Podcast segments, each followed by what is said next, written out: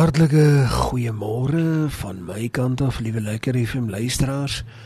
Dit is 'n eer en 'n voorreg om dood eenvoudig te weet dat die Here hier is en dat die Here vanmôre praat.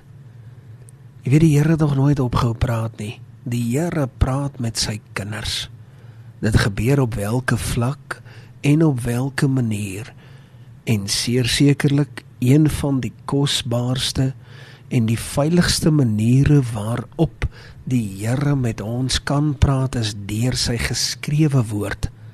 Want onthou nou wat die Nuwe Testament ons leer, is dat die Here moes vlees word en dit is die woord van God. Daarom weet ons dat die woord van die Here vir my en vir jou van kardinale belang is. En die Here praat deur sy woord. Die Here praat elke dag En as ons die oomblik besluit om te lees, dan gebeur daar iets binne in ons gees. Ek het dit al so baie beleef. Jy lees dalk eenmal, tweemal of driemaal, maar omtrent hier by jou 4de keer wat jy dieselfde gedeelte deurlees, is daar iets wat gebeur hier by 'n 5de keer, 4de, 5de keer, dan is as, asof daar iets binne losbreek en daar kom 'n tipe van 'n insig wat jy amper nie kan verduidelik nie. En dan het dit gekom by dat jy baie gelees het tot die woord van die Here lewend binne in jou geword het. Is nie kosbaar nie.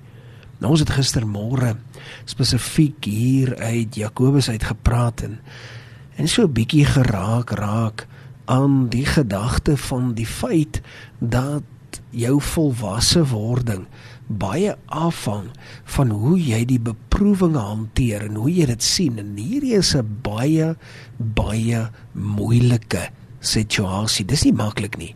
En selfs ek wat daaroor praat, weet dit is selfs vir my baie baie moeilik. Maar ek weet dat Paulus bedoel het daar is 'n groot en daar is 'n kragtige deur wat dood eenvoudig daar is vir jou maar daar's teestanders en baie keer het jy hierdie geweldige struikelblokke maar dan weet jy ook een ding baie seker dat dit die moeite werd is. Want as jy daardie teestand sien as jy die teestand ervaar dan weet jy ook dat daar 'n kragtige deur is. En dit moet jou bly maak. En dis wat ons hier uit Jakobus uit optel. Dit is veronderstel om vir jou blydskap te bring, want jy besef hier kom 'n oomblik van bevordering. Dis werklik waar so. Dit is 'n bevordering wat basies hangende is. Jy moet basies nou net daardie bevordering gaan vasgryp met jou hande. Kosbaar om so te kyk na die saak. Maar ons praat vandag so 'n bietjie rondom die groot gedagte. Die die groot en en en en goue aar scenario vanuit die twee koningboeke. En hierdie is boeke wat vir my persoonlik baie baie baie na in my hart lê. Ek moet jou sê ek het dit ook baie geniet om hierdie boeke op te studeer en ek het dit geniet om te sien hoe dit ontvou. En daar is 'n paar sentrale gedagtes wat ek baie graag vandag met jou wil bespreek en vir jou oorweging hou. Maar voordat ons daarby uitkom kom ons sit net so. Dan sluit ons die oë dan bid ons saam. Hemelse Vader dit is vir ons 'n voorreg om te weet dat U na ons omsien en te weet dat u u woord vir ons gee is iets waarop ons nie eers 'n prys kan plaas nie. Ons is net dankbaar vir dit. Here baie dankie dat u deur hierdie volgende 15 minute ons luisteraars se harte sal verkoop. Seën die duisende wat ingeskakel is op 98.3 in Jesus naam. Amen. En amen wat vir my so glashelder na vore gekom het, is dat 'n koning se nalatenskap is nie gebaseer op die mate van van krag en struktuur en posisie wat hy gehad het, nie die mate van van van beheer wat hy kon toepas nie. Want ons as mens sien dit baie baie skeef. Ons as mens het geneigtheid om om in die vlees na sake te kyk terwyl die Here verwag dat ons na die gees sal kyk. Maar die twee is in 'n stryd met mekaar gewikkel. Die woord van die Here sê dit. Paulus inteendeel skrywe dit. Sê dat my vlees is in stryd met my gees en my gees is in stryd met my vlees. Dit wat my gees nie wil nie, wil my vlees en dit wat my vlees nie wil nie, wil my gees. Dit is asof die twee teenoor mekaar tou trek. Nou ja, dit is so dat die mens sien die die krag en die mag raak. Die mens sien raak dat hierdie persoon baie beheer op ander mense toepas of 'n uh, omgewing of wat ook al in ons moderne tyd daar is. Maar eintlik is 'n koning se nalatenskap direk uit te waai met sy karakter wat hy teenoor die Here openbaar. Nou, kom ons bring dit terug. Kom ons kyk na dit in die moderne tyd. Kom ons kyk na leierskap. Leierskap is mos presies dieselfde. Leierskap het nie te maak met die feit dat daar mag of posisie is nie met die feit dat daar vir soveel mense gelei word of beheer toegepas word op X aantal mense nie, maar die karakter van die persoon heens die werk van die Here na die saak van die Here. En ek dink dit is 'n baie mooi manier om mense te gaan mooi deursoek. Gaan toets 'n bietjie mense, gaan toets 'n bietjie jou leierskap. Moet nooit disrespekvol wees nie. Wees baie smaakvol, mag gaan kyk maar 'n bietjie. Wat is die persoon se saak teenoor die koninkryk van die Here, teenoor die saak van die Here?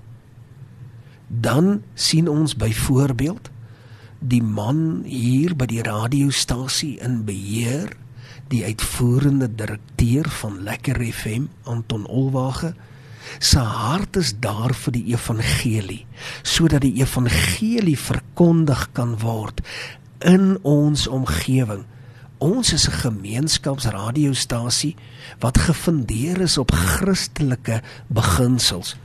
So as jy leierskap wil gaan ontleed, gaan kyk na die karakter van die persoon heens die werk van die Here. Is die saak van die Here belangrik vir die persoon? Dis dis 'n stille toets. Jy kan gaan toets, gaan kyk maar. Gaan kyk maar en dan weet jy die karakter van so 'n persoon. En jy weet as jy nou gaan kyk daar in al twee beide die boeke van konings is die afgode iets verskrikliks. Die afgode is asof dit hoogty vier. En dit verwoes mense, dit verwoes leierskap. En deur leierskap verwoes dit die mense. As jy in afgode diens betrokke raak, as jy van iets 'n afgod maak, maar as jy die saak van die Here voor jou hou en dit gebruik en daarop staan met alles binne in jou, dan wil ek vir jou sê sal daar krag en seën en guns wees. Dit is wat die woord van die Here aan my bevestig. Nou hier praat ek nie van miljoene en miljoene rande nie. Dis nie waarop die guns noodwendig gemeet kan word nie. Maar dat daar vrede is, kalmte is, rustigheid is. Al die vrugte van die Gees is daar. Ja, dis vir my eintlik so kosbaar want Galasiërs 5:22 praat mos nou maar baie duidelik. Praat baie duidelik want die vrugte is die liefde en dit weet ons. Maar dan is dit blydskap. Jy weet vanuit blydskap uit is dit vrede. Vanuit vrede uit is dit is dit geduld, lankmoedigheid. Gaan en as 'n mens lankmoedig is, dan is jy sommer goed vir die vir die mense in die gemeenskap rondom jou. En dan sien hulle jou as getrou. En as jy getrou is, dan weet jy so mens het sagmoedigheid. So mense se hart is sag, daar's sagmoedigheid en so mense het ook selfbeheersing. Dis kosbaar hoe dit in mekaar invleg die verskillende sake.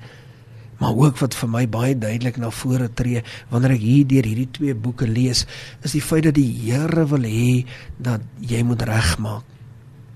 Die Here wil hê jy moet bely. Jy moet terugkom na sy voete. Jy moet bely en jy moet hardop sê Here, ek vra om verskoning en ek wil die saak regmaak. Ek wil die saak regmaak soos wat Dawid dit gedoen het. Dis hoekom Dawid 'n man na die Here se hart was. Hy was gehoorsaam. Dit is hoe ek en jy moet optree. Ons moet gehoorsaam wees tot die letter toe. En as ons gehoorsaam is, dan is dit die trotse standaard waarop die Here alles hou. En dis wat met Dawid gebeur het. Want gaan kyk maar die res van die konings almal was gemeet onder dit wat Dawid gedoen het, die gehoorsaamheid wat Dawid gehad het, is al die ander aangemeet. Kan jy dit glo? En dan wanneer ek so lees, dan vind ek ook in my hart dat die Here is geduldig en hy het genade. En ek vind dit in in ons moderne lewe die die wêreld waarin ons vandag lewe. Die Here is geduldig met ons en die Here is so begenadig teenoor ons. Maar ons moet dit nie te ver strek nie. Ons moet steeds probeer om soveel as menslik moontlik te doen om sake reg te hou. Ons moet soveel as moontlik doen om absoluut die Here te verheerlik en eintlik die hart van die Here te wen. Jy sien die Here sal nie toelaat dat sonde ongestraf bly nie. Jy moet dit bely en jy moet weet dat hierdie saak is iets waarmee jy struikel en dat jy die Here nederigheid aanroep. Ek sê Here, ek ek ek kan nie sonder U nie, help my want op jou eie sal jy dit nooit reg kry nie. Dit is net deur die hand van die koning van alle konings wat jy dit sal reg kry. En dan iets wat ek hier soos 'n paal bokant die water sien uitstaan het is dat die die werkers vir die Here, die manne wat die saak van die Here verkondig het en voortgegaan het om die boodskap van die Here te verkondig, is mense wat die boodskap dra. Dis mense wat die boodskap dra, maar onthou nou, ek het ook gesê gaan toets die mense. Maak seker dat dit waarna jy luister is die moeite werd om daarna te luister. Kom ons wees slim, kom ons wees wys, kom ons gebruik ons tyd om die saak baie baie mooi en baie nugter te bepaal. Tot sover die woord van die Here. Kom ons sit net so. Dan sluit ons die oë dan bid ons saam. Hemelse Vader, dankie vir u woord. Dankie dat u woord ons harte kom stig het. Ons kom verbly het, Here, u is waardig. Ek wil vra Here dat u met die groote hand deur ons luistertal sal beweeg. Die duisende wat ingeskakel is, seën hulle. Seën hulle, seën hulle, seën hulle. Hou hulle vas, behoed en bewaar hulle. Here verbreed en vergroot hulle grondgebied. Maar dan terselfdertyd, Here, is dit ons pleidooi dat U elkeen wat behoeftig is daar buite, dat U hulle sal help en bystaan om hulle saak beter te maak en te herstel. Help hulle, Here. Help hulle dat hulle saak vir verander, dat hulle saak nie dieselfde sal wees nie. En Here, ons weet dat U dit kan doen omdat U koning bovenal is. En ons het nog nooit daaraan getwyfel nie. Here, hierdie dinge bid ons nie omdat ons dit verdien nie. Want ons verdien dit geheel en al nie. Bloot vanuit U genade. Here, dit is ons hartsroep vandag dat U ons naderby sal wees en dat U ten volle vir ons sal begenadig in Jesus naam. Amen. En amen.